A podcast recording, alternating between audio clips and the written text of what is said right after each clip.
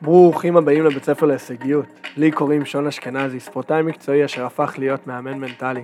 וכל שבוע אנחנו מביאים לכם אורחים נותני השראה לעזור לכם להגיע לרמת ההישגיות הכי גבוהה בחייכם. תודה רבה שהצטרפתם אלינו היום, והשיעור שלנו מתחיל. ברוכים הבאים לפרק מספר 37 של בית ספר להישגיות עם האחד והיחיד יאיר שלוים. מה איתך יאיר? בסדר גמור, מה המצב אחי? טוב לראות אותך. לנו יש אה, היכרות אישית, אנחנו מכירים, חברים טובים כבר אה, תקופה. גם זה פרק שני שלך בפודקאסט, שזה גם מובן מאליו. אה, אחד מחמישייה בודדת נראה לי, אולי אפילו פחות מחמישייה, שעשו יותר מפרק אחד, אז כבוד גדול. שנזכה לעוד, זה הכי חשוב. אמן. כן, אבל... הידע עד כמה שאפשר, זה תמיד מבורך. לגמרי, לגמרי. ספר לנו קצת על עצמך, אני מכיר אותך אישית, אבל לאלה שפחות מכירים אותך, אה, נשמח לשמוע.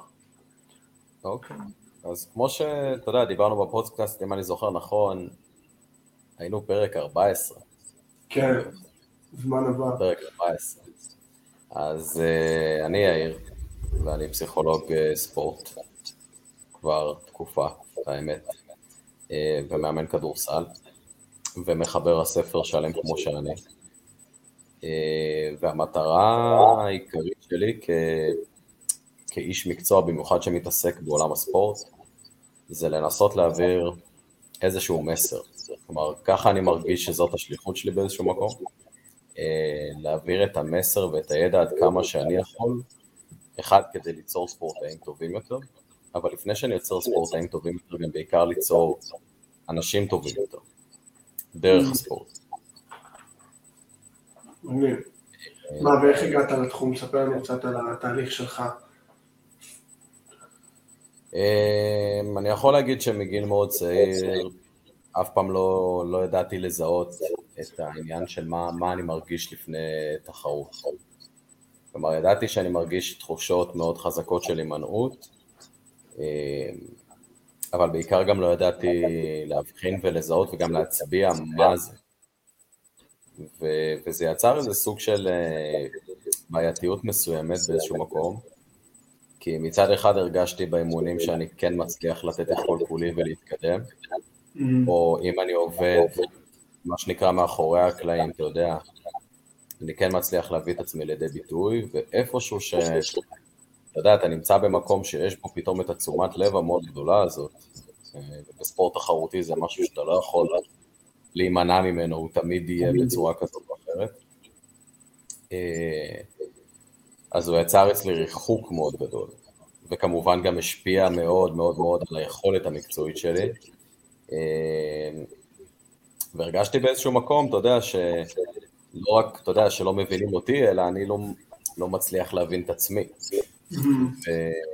וכשאנחנו מדברים על 20 אה, שנה אחורה, בין 15 ל-20 שנה אחורה, פסיכולוגיה של הספורט, אה, אני יכול להגיד שהיא בוודאי לא הייתה מדוברת בסביבה שלי, כלומר, אני גם לא, לא, לא, לא ידעתי בכלל מה זה, זה היה רחוק ממני אלפי שנות אור. וזהו, ואז כאילו, אתה יודע, דברים לא קורים סתם. כאילו, אני כן מאמין שיש איזה תהליך שאנחנו עוברים, וה... והקלפים שאנחנו מקבלים, הם קלפים שבאמת באים לעזור לנו, אתה יודע, לעזור לנו, או, או באמת למצוא את הייעוד המתאים לנו ומה שנכון לנו כ- כבני אדם. אה, וכנראה שלא סתם בחרתי בתחום הזה, כנראה בגלל משהו שאתה יודע, הרגשתי בעצמי, ואז זה פשוט פרץ קדימה. מדהים. מגניב, ואנחנו דיברנו כזה קצת לפני, בנינו את זה היום, לדבר על כל העניין הזה של הורים בספורט ומעורבות הורית. אה, אני אשמח לשמוע, אם אתה פתוח לזה, אני גם אה, יכול לשתף איפה זה פגש אותך, תן לי קצת אה, מהניסיון האישי שלך עם זה. וואו, איזה תחום מרתק זה, באמת. אמ, יש... אתה יודע, זה, זה אחד הנושאים אולי הכי נחקרים שיש בפסיכולוגיה של הספורט לצד אה, דברים שקשורים בחוללות עצמית, ביטחון עצמי, אתה יודע, כל מיני התמודדויות עם דיכאון וחרדה ולחץ. Mm-hmm. מעורבות הורית זה נושא כל כך חשוב, בטח להתקדמות של, ה, של הילדים, של הספורטאים הצעירים, אבל אני כן יכול להגיד באיזשהו מקום איפה זה פגש אותי, או יותר נכון זה פוגש אותי ביום יום בכלל כמאמן, כלומר אין יום שזה לא, זה לא חלק מההוואי בצורה כזאת או אחרת, בין אם זה, אתה יודע, הספקטרום הזה הוא מאוד גדול, כלומר זה, זה במקום של פרגון, למקום של התערבות, למקום של uh, רצונות, של מאוויים, של המון המון המון דברים. מגניב. כן, אני יכול, כאילו אני יכול לספר על עצמי, זה מצחיק כי כל אחד באמת הסיפור חיים שלו וההבנה הזאת אני חושב של הפאזל שאנחנו קיבלנו זה הכוח הכי גדול שלנו, כאילו ביום שאנחנו מבינים את זה אני חושב שהדרך שלנו סלולה אה, בצורה קצת יותר מדויקת מאשר אולי איך שהייתה לפני. אה, אני אישית כאילו בית של הורים גרושים, אתה יודע, לוקחים תורות, איך שזה לא ייראה, גם לא, לא, לא היה בית סעוד לכדורסל, אני זוכר, אבא שלי היה בא איתי לפעמים וזה, ואולי הרבה שנים הסתכלתי על זה כמשהו שלילי, וזה כאילו הצד השני של הראייה הזאת שדיברנו עליה בדיוק עכשיו, אבל אני חושב יותר מהכל בעבודה שלי עם ילדים היום, זה שיקף לי את הכוח שיש לתשומת לב שנותנים לילד, לאנרגיה שנותנים לילד, לזה שרואים אני חושב שבמקרה של גירושים... שלו, כאילו זה, זה כל כך יוצא דופן, יש את המשפט הזה שתמיד קופץ בפרקים שלנו, של שמה שאתה נותן תשומת לב יגדל, זה נכון למחשבות שלנו, זה נכון לפעולות שלנו, וזה גם מאוד נכון, נכון גם לאנשים סביבנו, ובמיוחד האנשים הקטנים האלה שעוד לא... התפתחו כזה עד הסוף, כמה כוח יש לתשומת לב הזאת, לאנרגיה הזאת, למעורבות הזאת, ונדבר פה היום גם על הצד החיובי וגם על הצד הפחות חיובי, כן. אני יכול להגיד שבאיזשהו מקום, אה, אתה יודע, העלית את הנקודה של הורים גרושים, אז גם לא במסגרת הספורט, אבל במיוחד במסגרת הספורט, אה, יש תמיד צד שמושך יותר.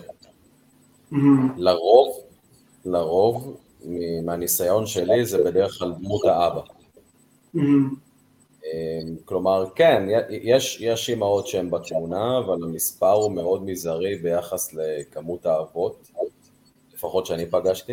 אני מתאר לעצמי שזה גם, אתה יודע, זה מן הסתם אולי גם תלוי מקצוע, וגם תלוי מי אתה מאמן, ועוד הרבה משתנים, אבל אם אנחנו מסתכלים רגע על, על העניין של הגירושים, אז אני חושב שיש פה איזה, אתה יודע, תהליך של פיצוי.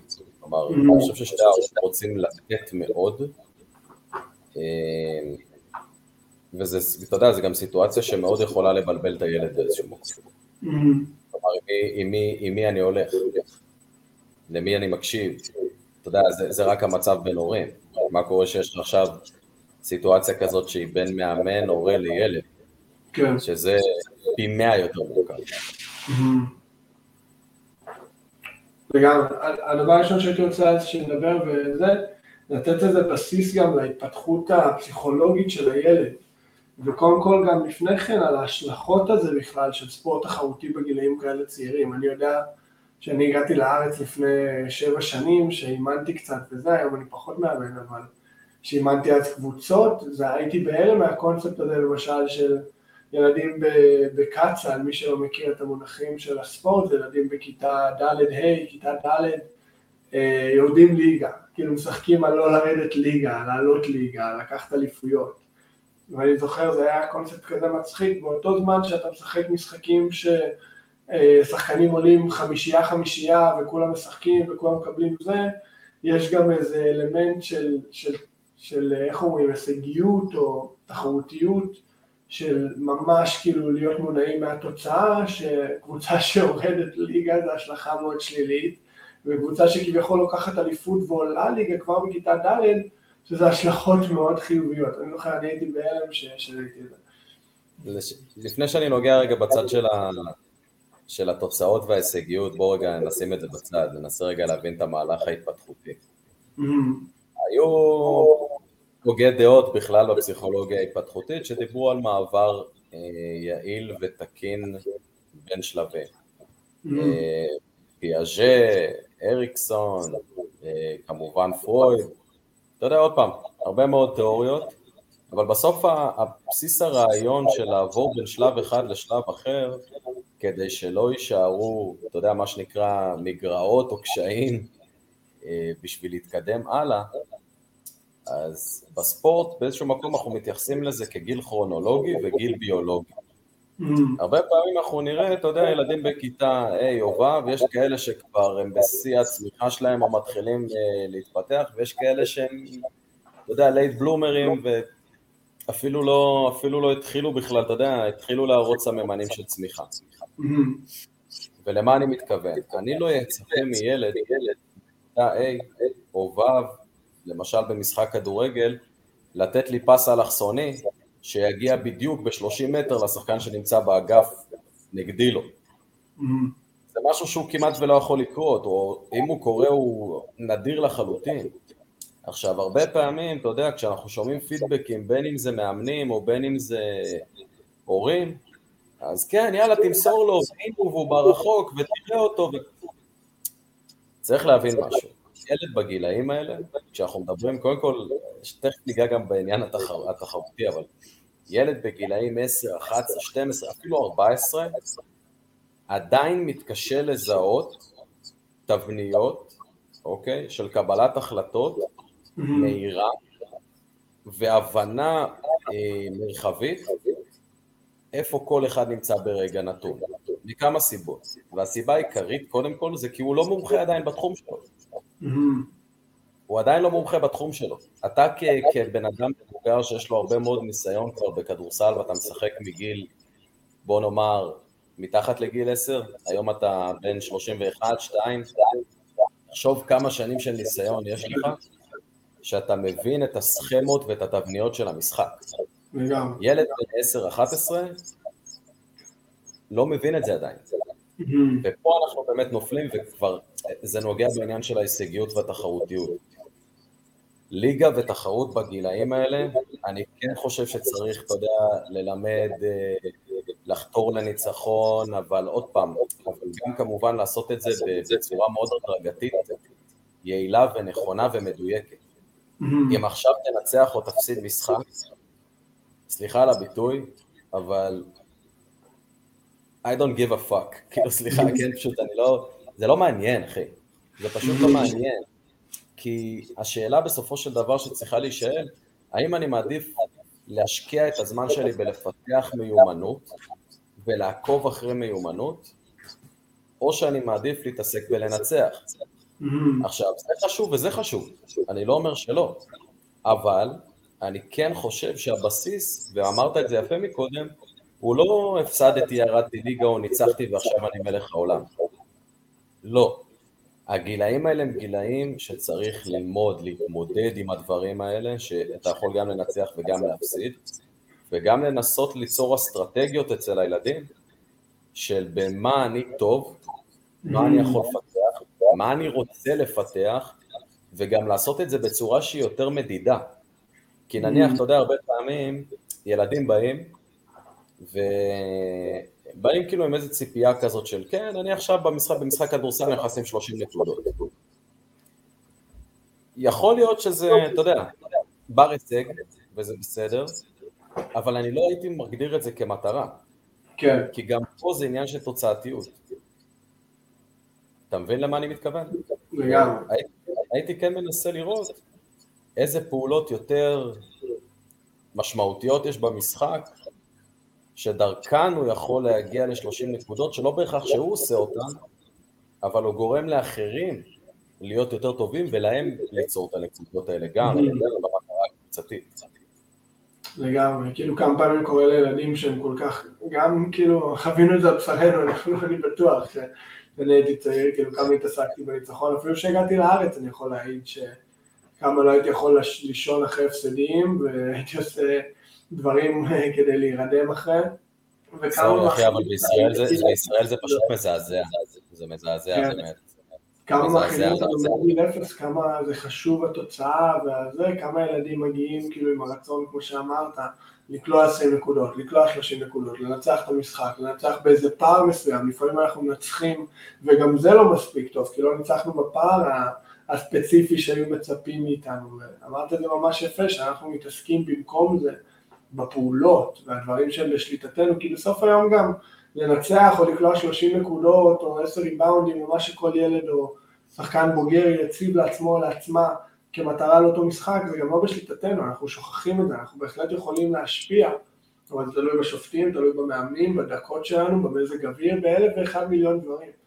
ברור. יש אני עובד עם מתאמנים מלא, שאנחנו מחזירים את האנרגיה לפעולות האלה, כמו שאמרת, ולהיות הכי טוב שאני יכול להיות בדברים האלה שהם בשליטתי, שם פתאום כל הדברים האלה שילדים ושחקנים כל כך מחפשים, הלחץ יורד, פתאום אני יותר נהנה מהמשחק, כי אם, כי אם אני מתייחס רק למטרה, כל דבר קטן לאורך הדרך שיראה לי כאילו מרחיק אותי מהמטרה, יפיל אותי. אני אהיה מאוד תלוי בפעולות החיוביות האלה, במקום להיות תלוי בעצמי.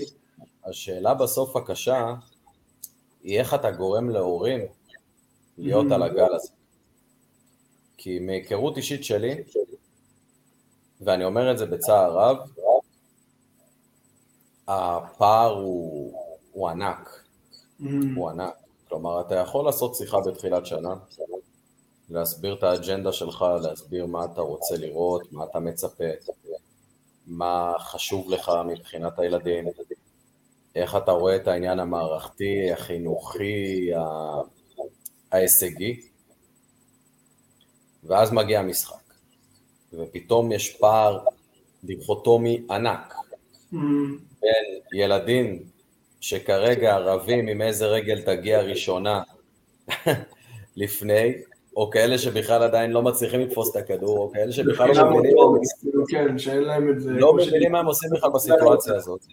ופשוט אין להם מספיק ניסיון. ופתאום יש גוש של הורים שמחלק הוראות בצורה סופר מכוונת ואגרסיבית גם לפעמים.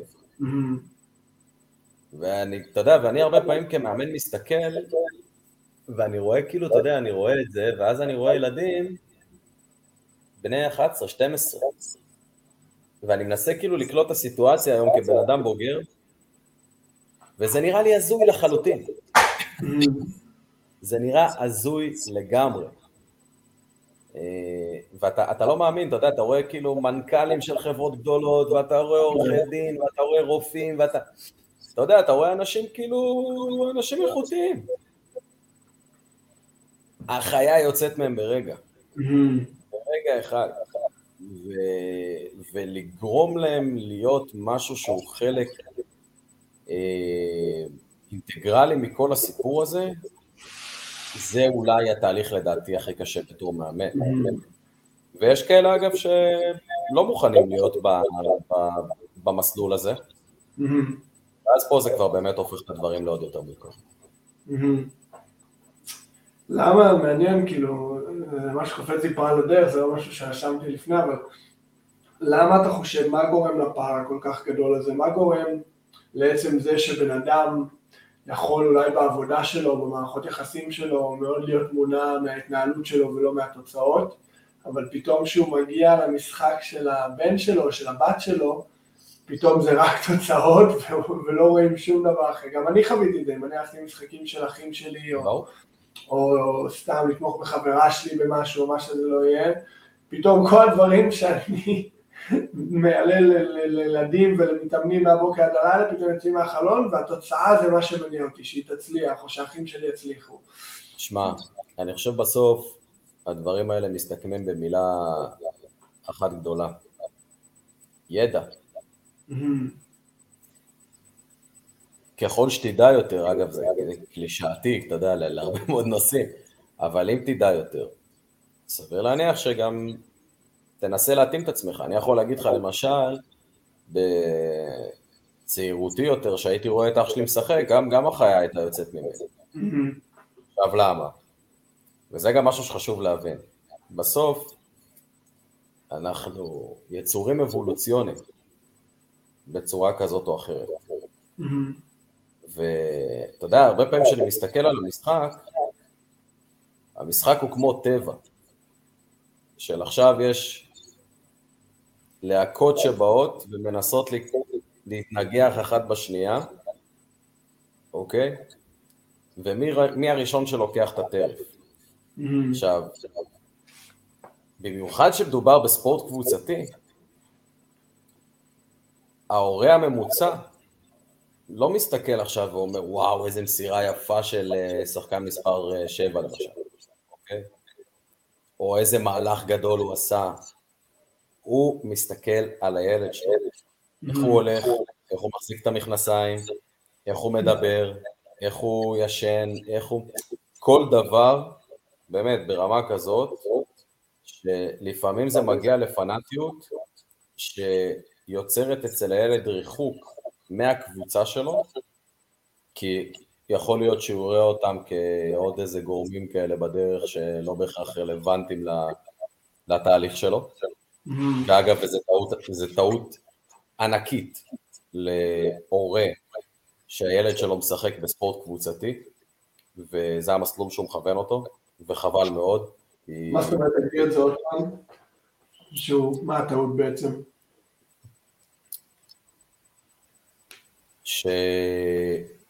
שצריך לדעת להפריד את הרגש האישי לבין מה שקורה על המגרש. ואני אסביר. אמ, יש שני סוגים של הורים שהם אה, מאוד, אה, מאוד בולטים בעולם הפסיכולוגיה של הספורט, לשלילה אגב, ולא לחיוב. אחד, זה ה-excitable parents, זה נקרא. ההורים הנרגשים. הם יכולים גם להיות חיוביים קצת באיזשהו מקום, אבל זה בעיקר הרבה עידוד, הם יכולים להתחיל לריב עם ההורים של הקבוצה השנייה, אתה תראה אותם הרבה פעמים על הגדרות, אה, מחלקים הוראות, אה, אתה יודע, ממש בתוך זה, כאילו, כאילו עכשיו הם חלק מה... חלק מאחד היציאים של ארגוני, אתה יודע, ארגוני הקבוצות כדורגל הכי פנאטיות שיש. באמת, ברמה כזאת. וההורה היותר קשה זה הפנאט. ההורה הפנאט, פנאטיק פרנטס, זה הורים שכמעט בלתי אפשרי לדבר איתם, זה ברמה שהם יעשו כל דבר כדי לנסות להשתחרר לפעולות אה, מינהלתיות, אה, ברמה של אה, לנסות להגיע אפילו ברמה מערכתית יותר, למנהל המועדון, או מנהל מקצועי של המועדון, או לנסות למשוך את המאמן בכיוונים כאלה ואחרים, כאילו אני רוצה לעזור, אבל מצד שני יש לי אינטרס אחר, כי האינטרס הוא בשביל הילד שלי. אני, הטענה שלי אומרת שככל שזה קורה, הבסיס הוא לא רק ליצירת מצב פחות נעים אצל הילד, אלא גם ברמה מערכתית, זה דברים שיכולים לחרב קבוצה, סליחה על המילים הקשות, כן, אבל זה דברים שפשוט יכולים להרוס קבוצה, כי הילד עכשיו שומע את האבא או אמא מדברים. על אל תמסור לשחקן הזה, ההוא אין לו מושג, ההוא אין לו ככה. אנחנו מכירים הורים שמתחקרים את המשחקים, או אתה יודע, להיות הפרשנים הגדולים הבאים. אז פתאום, אתה יודע, הילד כאילו שומע, רגע, מה, כאילו, מה, נמסור לזה? למה, שנמסור לדני? דני לא שחקן, אבא שלי אומר שדני לא שחקן גם, מה, מה אני מקשיב למאמן, כאילו? זה גם שם את הילד בנקודה... זה קטע ממה של המאמן לגמרי, כאילו, מה ש... כן, כאילו, רגע, למי אני מקשיב? אני מקשיב לקואוצ' או שאני מקשיב לאבא? זה קשור, אתה שם את הילד בפוזיציה ממש לא פשוטה. זה, תראה, יש לי עד היום ילדים, כמובן, אנחנו לא, לא ננקוב בשמות מן הסתם, כי זה לא, לא המקום, אבל יש ילדים שעד היום, ולא מעט כאלה, במשחקים שיכולים להסתובב ליציע, ו... ואתה יודע, כאילו, מקבלים את ההוראה. עכשיו, ההורים לא מבינים שאתה יודע, במשחק כדורסל הדברים הם דינמיים. אתה החטאת כדור, אתה יודע, חטפו לך כדור, יש כבר פוזיישן אה, שקורה בצד השני, וזה קורה ברמה של אה, שניות. עכשיו, שחקן שאתה יודע, מסתכל, אה, מחפש את ההורים שלך ביציע, הוא גורם לנו להיות ביתרון מספרי לקבוצה, לטובת הקבוצה היריבה בצד השני. כן. זה מעניין, אז, אז מה היית ממליץ, כאילו, אם אנחנו כבר נכנסנו לנושא הזה, מה היית ממליץ למשל להורים לשים לב, דבר ראשון, כאילו, הכי חשוב? אה, בוא נגיד הורה מקשיב לפרק הזה, אתה יודע, גם זה מאוד קל להסתכל מהצד ולהגיד לאחרים, לפעמים עצמנו, זה הכי קשה לשים לב אם אנחנו באמת עושים את זה או לא. אבל ההורים שכן מוכנים ככה להסתכל פנימה, ואני חושב שהדבר הכי גדול בחיים והחוזקה הכי גדולה של בן אדם זה היכולת uh, ללמוד, ללמוד משהו חדש, להגיד שוואלה בזה אני רוצה להשתפר. Uh, מה היית ממליץ לאותם הורים כאילו להסתכל ואיזה שריר לחזק קודם כל? קודם כל לחזק את השפה שלהם. Mm. המשמעות של הפידבק הוא קריטי, באמת, ברמה כזאת. אחד המרצים שלי במסלול התמחות, אה, דוקטור לאל גרשגורן, אה, אחד האנשים שאני באמת יותר מעריך בעולם הפסיכולוגיה של הספורט, אה, עשה מחקר מאוד מעניין על העניין של כל מה שקשור, אתה יודע, לבעיטות עונשין מ-11 מטר בכדורגל ועל המשוב ההורים ואיך זה משפיע בצורה כזאת או אחרת על מבחינת על מה אני מסתכל, כאילו על אה, להשיג מטרות או לשפר, אתה יודע, ביצועים ברמה אה, האישית יותר, כאילו לקדם, אתה יודע, כמו שדיברנו מקודם, אה, אתה יודע, ברמת ההתפתחות לבין רמת ההישג. Mm-hmm. ואחד הדברים שבאמת שמו לב, שבאמת הפידבק של ההורים הוא מאוד מאוד השפיע. עכשיו, תחשוב על ילד שבאמת מסיים עכשיו משחק, חוזר באוטו, חוזר לאוטו, ביחד עם ההורים שלו, או, או חזר הביתה אחרי שחזר, אתה יודע, בהסעה או לא יודע מה, ויושב עכשיו בבית ואוכל ארוחת ערב, ותאמין לי, ואתה יודע את זה בתור שחקן עד היום, כשאתה יושב בבית אתה יודע טוב מאוד איזה דברים לא טובים עשית במשחק. Mm-hmm. אתה יודע טוב מאוד מה לא עשית בסדר, אוקיי? ותחשוב שעכשיו אתה יושב, כמו ועדת חקירה, ושוטפים לך את המוח. באמת. יושבים שני הורים, או הורה אחד, ופשוט מתחיל לדבר איתך על המשחק. היית צריך ככה והיית צריך ככה, והיית צריך ככה והיית צריך ככה.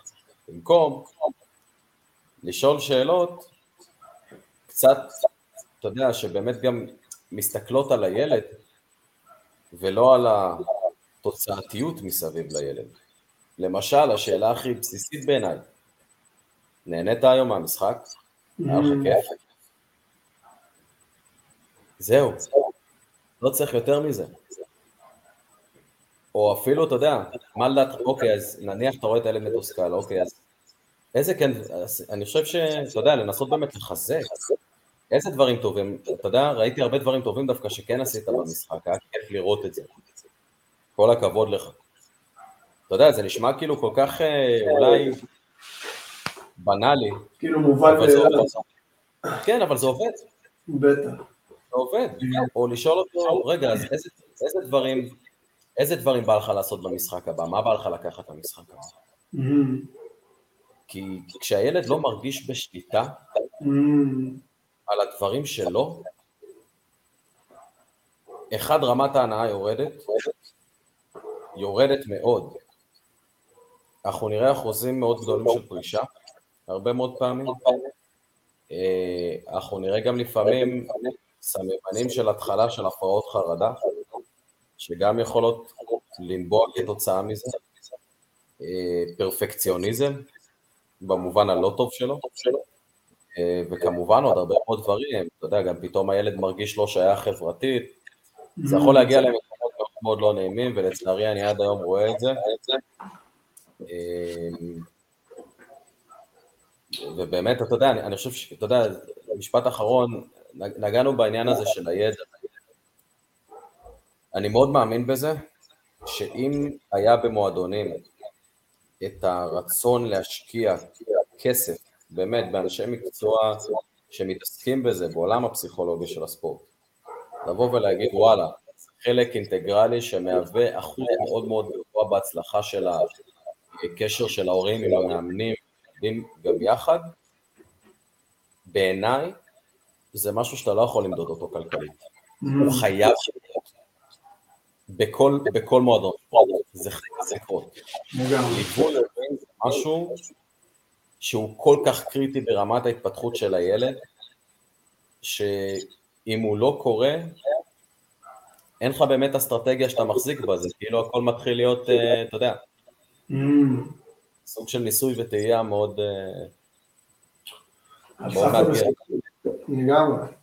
גם כשאתה אומר שכאילו השיחות האלה אחרי משחקים זה מחזיר אותי אחורה, וזה זה כל כך נכון כי זה, כאילו המוח שלנו גם ככה עובד ככה, המוח שלנו באוטומט מחפש כל הזמן מה צריך לשפר ומה עשינו לא מספיק טוב וזה, ובעצם אני בטוח שהורים כאילו לא שמים לב לזה שהם עושים את זה, כי אם הם היו יודעים את התופעה ואיך זה מרגיש, הם לא היו עושים את זה, אני בטוח שבאמת, גם עשיתי את זה פוסט, אני זוכר בזמן האחרון, שהיה את כל הקטע עם, ה, עם אבא של ג'ה מורנט, שהוא אמר את זה בצחוק, אבל זה הציף לי איזו הרגשה כזאת שהוא אמר כאילו, ג'ה זבל, כולה היה זבל כל הסדרה, אחרי שהם ניצחו באיזו סדרה מאוד משמעותית בפלייאוף שלהם, ועכשיו זה בצחוק זה סבבה, אבל כמה הורים כאילו לא אומרים את זה במשפט הזה, אבל בשאלות שלהם, בדיבור שלהם, מה, גם כשאתה אומר את זה בצחוק?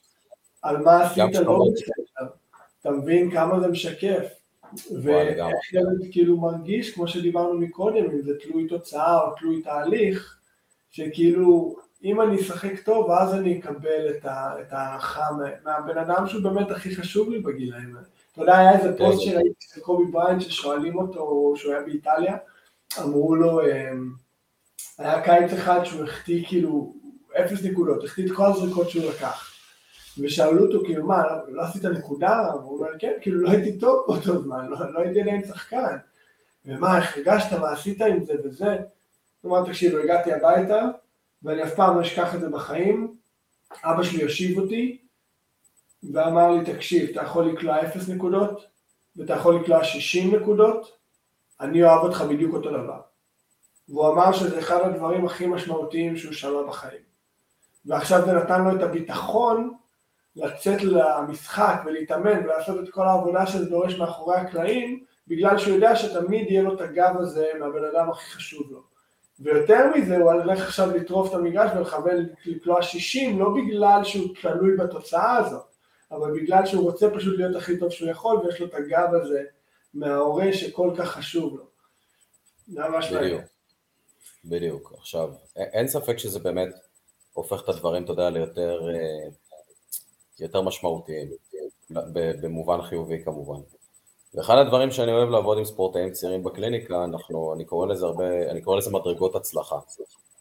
כל פעם יש לנו איזה סטייג' חדש שאנחנו, אתה יודע, הולכים להיות בו. ו, ואני מאוד מאמין בזה שכל תחרות שאתה מגיע אליה, היא חשובה. Mm-hmm. ואני תמיד אומר את זה לספורטאים. האימון, גם משחקון הכי קטן באימון, הוא חשוב. חימום הוא חשוב, הכל חשוב. ולמה? כי כשאתה תגיע למשחק שהוא באמת לכאורה יהיה מאוד חשוב, אז אתה כבר רגיל לזה שזה חשוב. Mm-hmm. יותר מזה... תהיה לך את ההתנהלות הזאת כהרגל. בדיוק. עכשיו, גם יותר מזה, אני תמיד גם באיזשהו מקום ממליץ לספורטאים, שאני מלווה אותם, ואגב, זה עובד ב... זה עובד פלאים. קחו לכם מטרות מאוד מדויקות, כמובן אנחנו בונים את זה ביחד, אבל בוא נחשוב על פעולות, לפחות, אתה יודע, בתחילת המשחק, או גם אם לא הולך, אחרי זה, שבאמת ייתנו לכם את ההרגשה של המסוגלות הזאת באותו משחק. ועכשיו, אני מאוד מאמין בזה, שאתה לא צריך להציב רף מאוד גבוה. יש כאלה שיבואו ויגידו, כן, מה, אבל אתה צריך לשים את זה, ותקרא, ועניינים, ואין סיבה שלא תשבור. אין בעיה, אתה תשבור.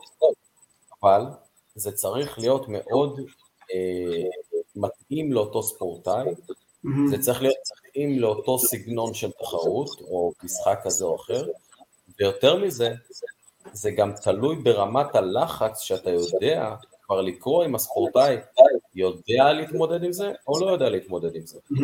יש שחקן שאני יכול להגיד לו, תשמע, אני צריך במשחק שתיתן לי עשר מסירות מדויקות, שאגב זה משהו שיכול לרוץ די מהר במשחק, עשר מסירות מדויקות שהובילו לשחקן אחר לזריקה פנויה, למשל, אוקיי? ויש אחד שאתה תבוא ותגיד לו בדיוק את אותו דבר, הוא ילחץ מזה. אז בגלל זה אני אומר שגם המטרות האלה צריכות להיות מבחינה מספרית משהו שהוא בר הישג, אבל עם טיפ טיפה יותר מאמץ. כן. אתה מבין? עכשיו, אם הוא יצליח להשיג הרבה יותר מזה, מדהים. אבל אני צריך לגרום לו לבנות את הביטחון. Mm, אתה מבין? וזה חייב לקרות דרך הפעולות המאוד קטנות האלה, שהן קריטיות. למשל, אתה יודע, הרבה פעמים אני שואל שחקנים, איך היה לכם בתחרות? והם לא יודעים להגיד לי. מתחילים להגיד את הדברים הלא טובים להם. ישר.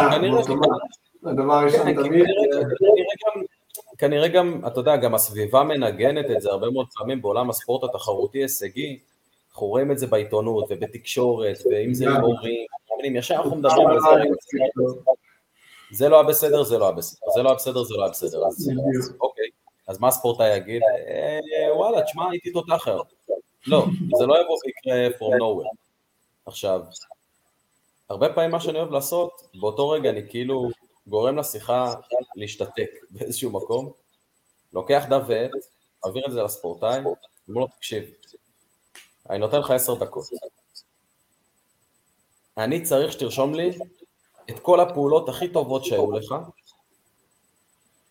עוד מהלילה, מהיום שלפני. ולמה? כי התחרות לא מתחילה שיש ג'אמפול, שיש בעיטה, אתה יודע, כשאנחנו מתחילים מהחצי, שיש את הכדור בסרב הראשון, בסט הראשון בטניס, או שהייתה את ההזנקה בתחרות שחייה כלשהי. זה מתחיל כבר יום לפני. Mm, מה ההכנות שאתה עושה, ברמה המנטלית, ברמה המקצועית, אה, ברמה של התזונה אפילו. mm, כלומר, התחרות מתחילה שם. היא לא מתחילה כשיש את השריקה לפתיחת המשחק. לגמרי. וזה מה שהרבה פעמים לא מבינים.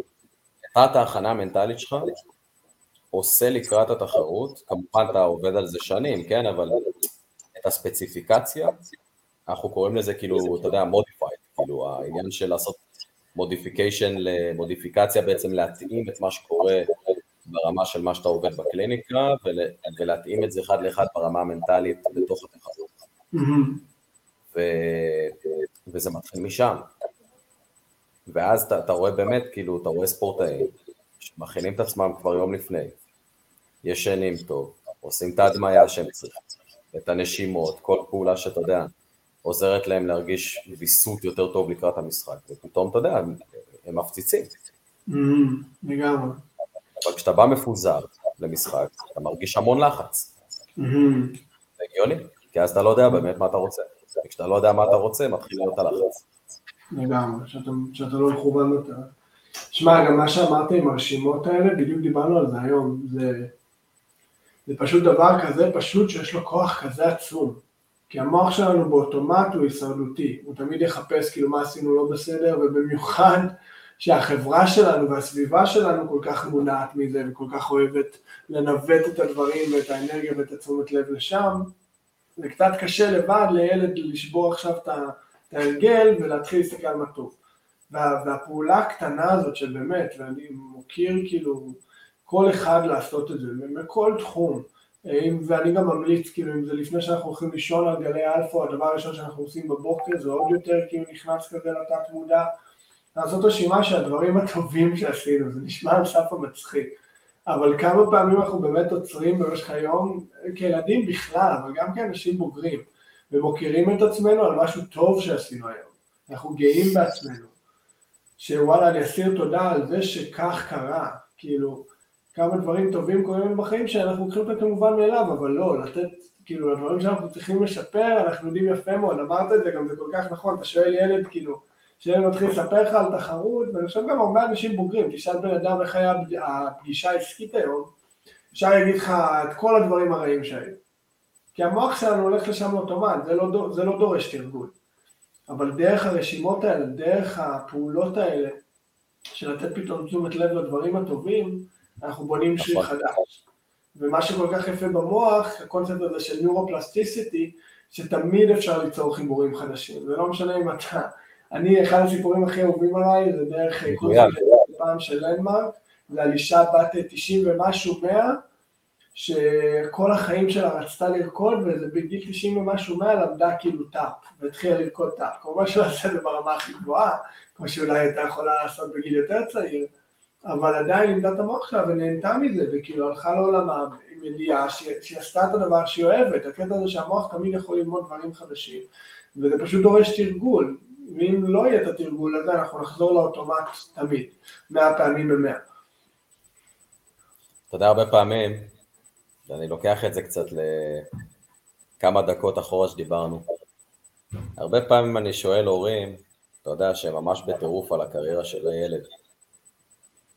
אני אומר להם, תגידו, יש, יש לי שאלה, אני, אני מקווה שהיא לא פוגענית מדי, אבל מעניין אותי לשאול.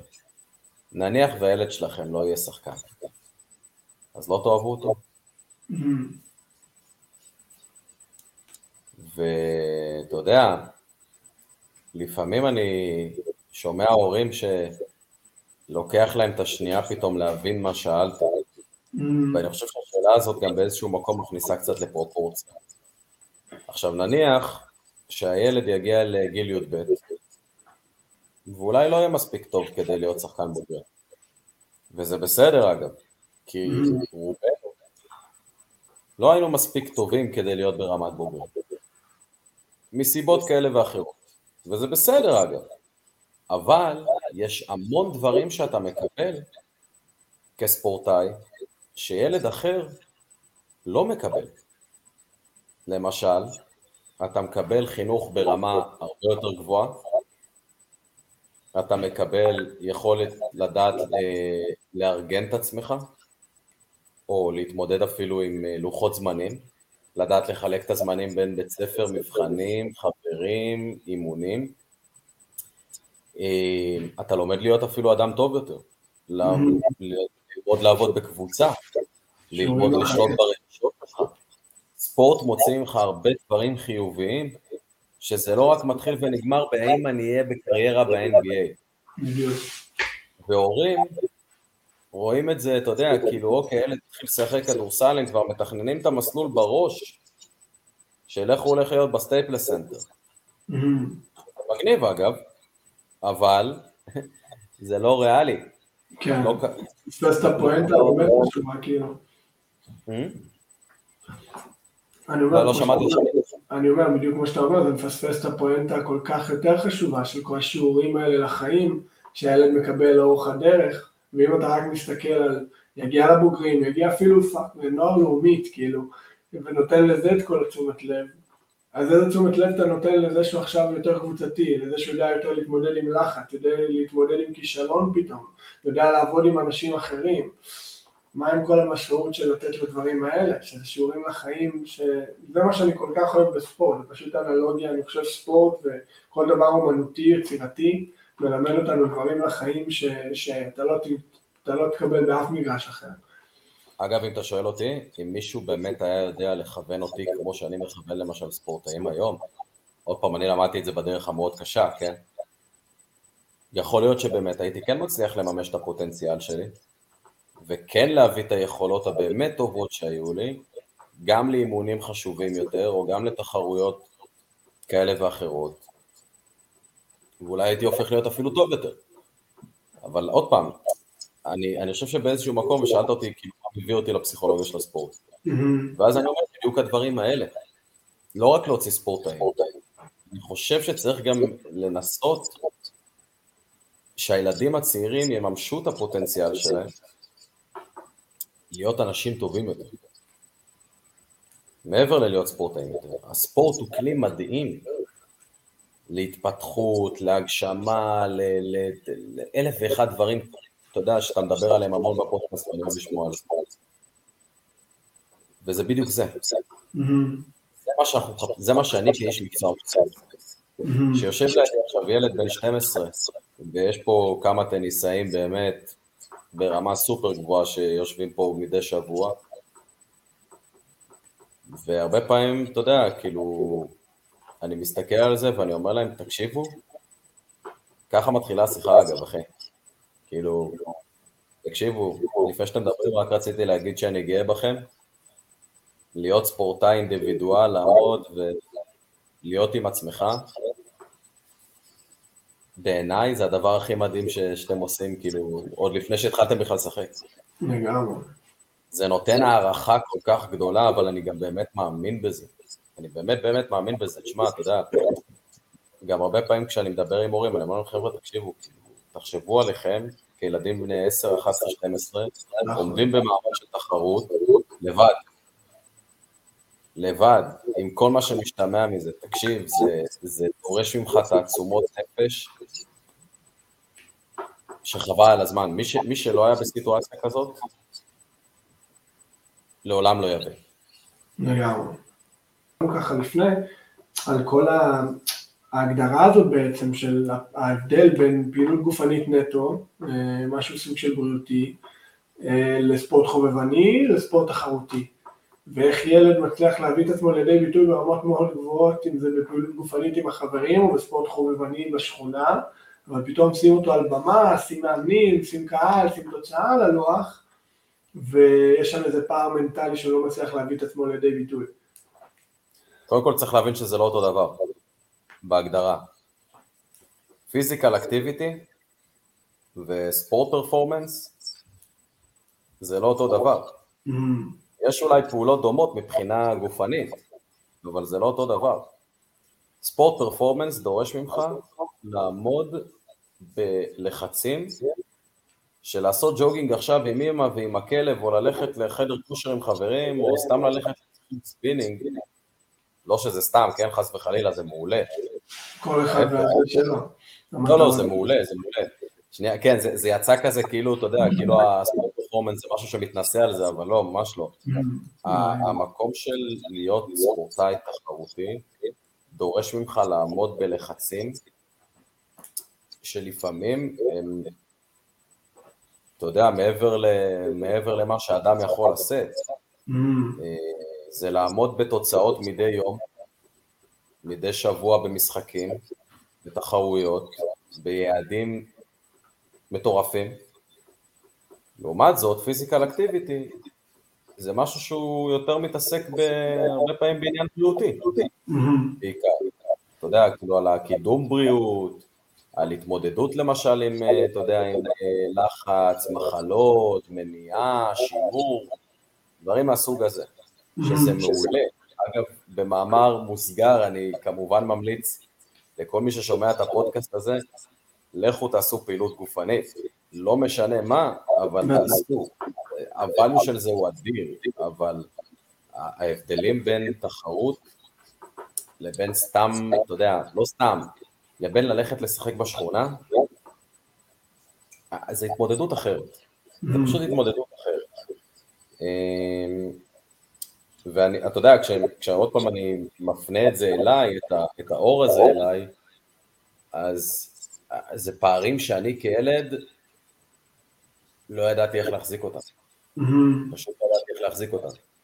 זה, אתה יודע, זה היה נראה לי מאוד מוזר שכאילו בשכונה, או אפילו באימונים, אני עושה דברים שאפילו לפעמים הייתי בהלם מעצמי, ומגיע למשחק ואומר, וואלה, הלוואי ולא יעלו אותי. הפער הזה היה, וואו. אתה יודע מה, הלוואי ומישהו היה מצליח להסביר לי את זה אז, אבל אה, אני כל כך שמח שאני מצליח אתה יודע, להסביר ולהעביר את המסר הזה לספורטאים היום. לראות אותם מתקדמים זה, אתה יודע מה, שווה יותר מהכל. לגמרי. לא, זה, זה קריטי, כן, כאילו הפער הזה, הפער המנטלי הזה של על התמודדות עם, אם זה חובבני, אם אני עושה את זה. קודם כל אני חושב שגם זה חשוב להבין איפה אני נמצא, מה המטרות שלי באמת, יכול להיות כאילו, וזה בסדר גמור לילד להגיד, וואלה, אני לא מחפש לשחק בורחים, אני מאוד נהנה מהספורט, אני שומר ככה על כושר, אה, אני בריאותי ברמה יותר גבוהה ככה, יש לי, יש לזה השפעה מאוד חיובית על הבריאות שלי, ואני נהנה מזה, אה, זה קטע.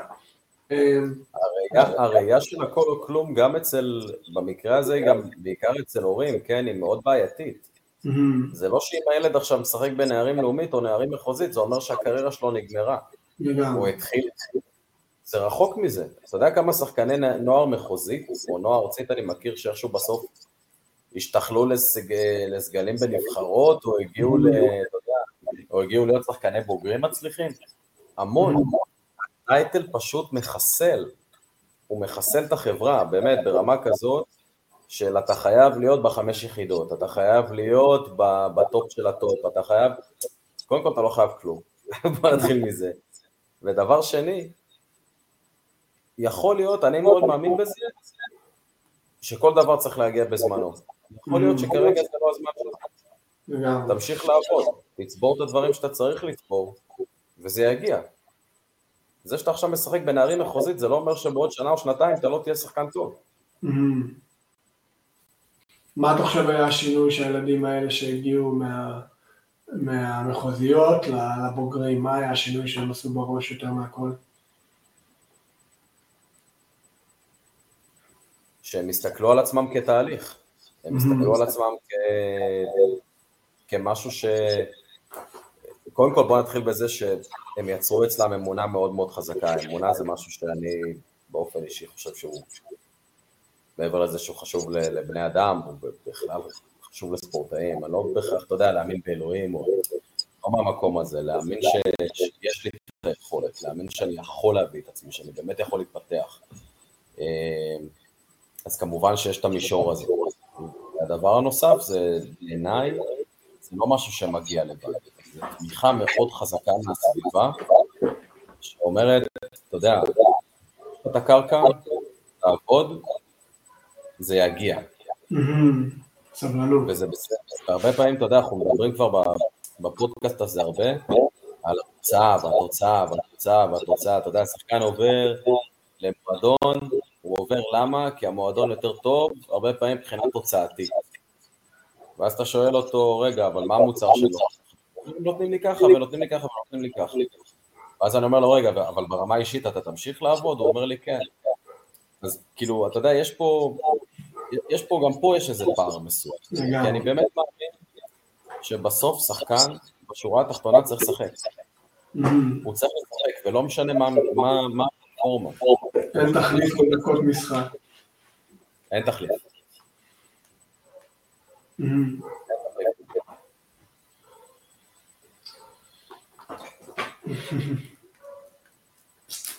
לא, זה מדהים, זה, זה כל כך נכון, כאילו, על נקודה של זה שכחתי, אבל... אה, כן, אפשר... את הזמן, נתנו פה הרבה ידע. אה, על זה, אז בדיוק הנקודה הזאת שאנחנו כל כך... אה, אה, איך זה קורא לזה עם הייטק, אמרת משהו עם הייטק, זה הקפיץ לי. אה, שאנחנו כל כך מצפים להצלחה בלילה. כאילו הקונספט הזה של אני עכשיו חייב לעשות איזה קפיצה מטורפת. ואז שזה לא קורה, כמה אנחנו מתבאסים ומתבאסים על התהליך ומפסיקים לעשות את הדברים הקטנים שהביאו אותנו למצב הנוכחי, להתקדמות שהגענו עד עכשיו. במקום זה להסתכל על זה כצעדים קטנים, האם אני יותר טוב מאתמול, להציב לעצמי מטרות שבועיות, חודשיות, שנתיות. ואמרת גם מקודם מאוד יפה, לא להציב לעצמי דברים שאני לא מסוגל אליהם, כי אז אני סתם מתבאס, ללכת למה אני מסוגל ולדחוף קצת מעבר. כל מיני דברים כאלה. אני קורא, לה, אני קורא תמיד לספורט התחרותי, כמובן, בלי, בלי לפגוע באף אחד, אני קורא לזה ספורט ביפולרי, ספורט mm. הדו-קוטבי. ו... ואני אסביר כמובן למי שפחות uh, חזק בענייני בריאות הנפש. Uh, כמובן, אני מאחל באמת לכל מי שמתמודד בצורה כזאת או אחרת, uh, רפואת הנפש ורפואת הגוף, ו... ו... ולצד זה אני אומר, ולמה אני אומר דו-קוטבי? כי הרבה פעמים, אתה יודע, אנחנו מנצחים, וכולם על גג העולם. יאללה, פיצות, ובוא נלך לאכול, והמבורגרים, ואתה רואה את הילדים, וההורים בטירוף, ובאים, ומשקים אותך, ומחבקים אותך. משחק, אתה יודע, כאילו, לא עכשיו איזה משהו, זה משחק, בסדר. ואצל אה, הורים, אה, נניח, סתם דוגמה, הפסידו למשל. ישר מתחילים התחקירים, מתחיל הזה, ואיזה באסה, ואיזה... כלומר, יש, אתה יודע, פתאום תנודתיות מאוד חזקה כזאת, של משהו שהוא, אתה יודע, הוא, הוא באמת גם יכול ליצור הפרעה באיזשהו מקום, ברצינות. זה כולה בתחום של שבועיים, כאילו כל הדברים השונים האלה יכול להיות בתחום של שלושה שבועות. תקשיב, שחקן ספורטאי, לא משנה באיזה ענף, הוא נמצא ברכבת הרים תמידית, יומיומית, לפעמים גם ברמת השעות, כזה. אימון טוב, אימון לא טוב, משחק טוב, משחק לא טוב, זה כל פעם זז, זה לא נשאר קבוע.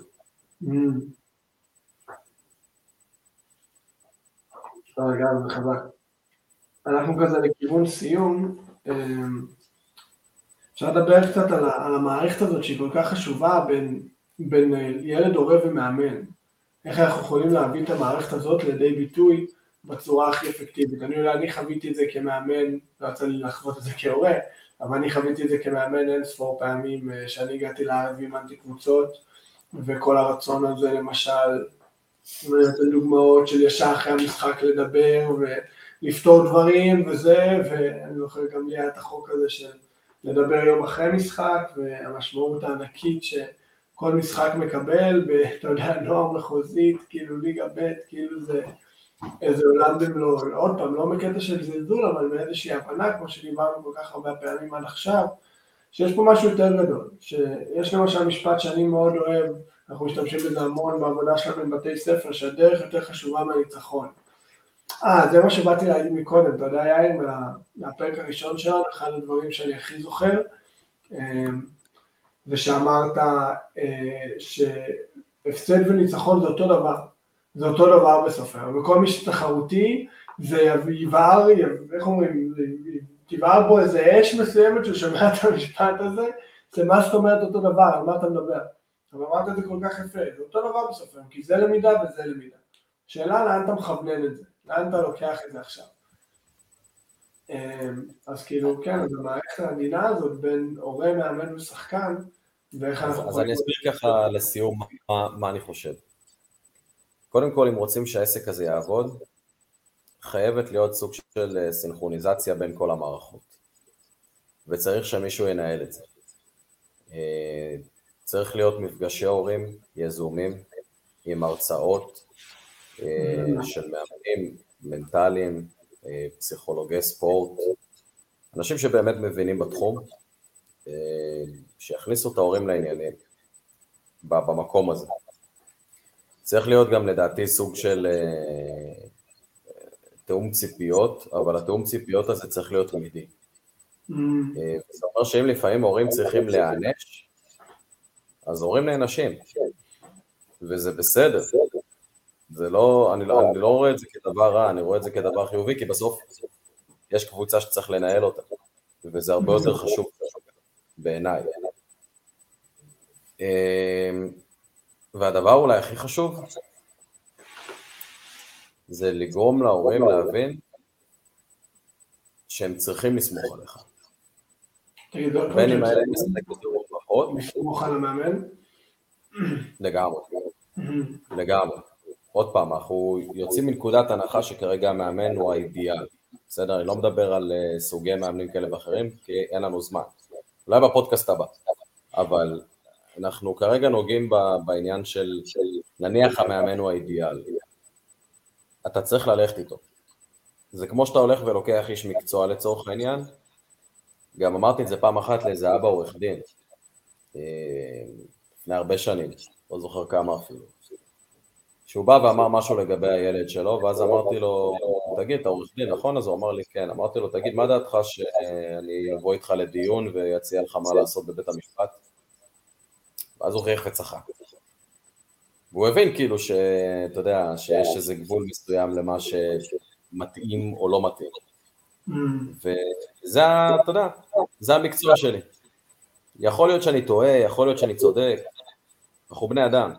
Mm-hmm. הטווח הזה הוא כל כך דינמי. אתה יודע, אז בסוף אני חושב שצריך שכל הגורמים ינסו או, או יוכלו לפחות לנסות לסמוך אחד על השני עד כמה שאפשר. כמה זה חשוב גם לתת למאמן את המקום, אפילו אם, אם, אם ההורים לא מסכימים, כאילו הקטע הזה של להיות חכם במקום להיות צודק. שזה לא יבלבל את הילד עכשיו, כאילו למי אני מקשיב.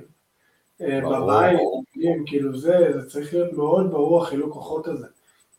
אה, שהמאמן קובע בסוף היום, אני חושב שזה גם אחד השיעורים הכי גדולים של ספורט, זה לשחרר מעצמי ולהבין שזה מישהו פה, אפילו אם אולי אני לא מסכים איתו, בא לטובתי ונותן לי פה איזה זווית ראייה חדשה לדברים, ולהיות coachable, אני חושב שגם להיות coachable זה אחד הדברים שהם כל כך כאילו חשובים וכל כך קובעים הצלחה בחיים שלנו, מי שמוכן ללמוד, מי שמוכן להקשיב, מי שמוכן אולי להסתכל על הדברים קצת אחרת, ולא להיות נעול בצד שלו או שלה. לשים את הכפתור של ה-over controlling על אוף, ולתת לה... לתת לדברים לזרום. מדהים. זה גם עושה הרבה יותר טוב נפשית. לגמרי. אנחנו כזה לכיוון סיום, אה, שאלה שחשבתי עליה כזה קצת יותר אישית, אבל אני חושב שהיא שאלה מאוד מעניינת, אה, כי בגלל שהיה לנו כבר את הפרק ביחד ויש את השאלות הקבועות שאני תמיד מסיים איתן, אבל את זה כבר עשינו. אה, מעניין אותי כזה לשמוע שביום אחד חמסה חמסה שיהיה לכם ילדים, לך ולאשתך יפיפייה שאני גם מכיר. אמן. מה, מה, מה הדבר שהכי תרצה להעניק להם כספורטאים או אפילו בכל תחום? כהורה תומך? מה אתה חושב זה הדבר הכי חשוב שלך כהורה להעניק להם? בפן הזה, אה, כאילו, אתה יודע, אה, או יצירתי, או תחרותי, או ספורטיבי. את היכולת ליהנות. פשוט ליהנות ולאהוב את מה שהם עושים, זה הכל. זה, זה, זה בעיניי המוטו שצריך להיות. פשוט ליהנות ולאהוב את מה שאתה עושה. לגמרי. מדהים. מדהים אחי, תמיד כיף. תמיד מחכה כבר לפרק הבא. נבנה ככה. מה זה? תבוא לקידוש מחר. לגמרי. שבועות, אז אני מצפה לדברים גדולים.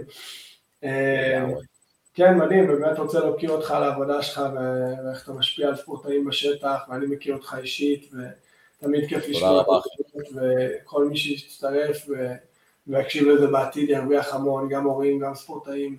תמיד תענוג, יאללה, נבנה כבר נתחיל לבנות את הפרק הבא. יאללה, אלוף, שמחתי. יאללה, תענוג, ביי, להתראות. זה היה עוד פרק של בית ספר להישגיות. כיף שנשארתם איתנו עד סוף הפרק ומקווה שנהניתם מהשיחה שלנו. אם לקחתם משהו לחיים האישיים שלכם מהשיח הזה, אני מפציר בכם לשתף את הפרק הזה עם העוקבים שלכם, או עם כל מי שהפרק הזה יכול לתרום לו או לה. תודה שהצטרפתם אלינו היום, שיהיה יום נהדר, נתראה בפרק הבא של בית ספר להישגיות.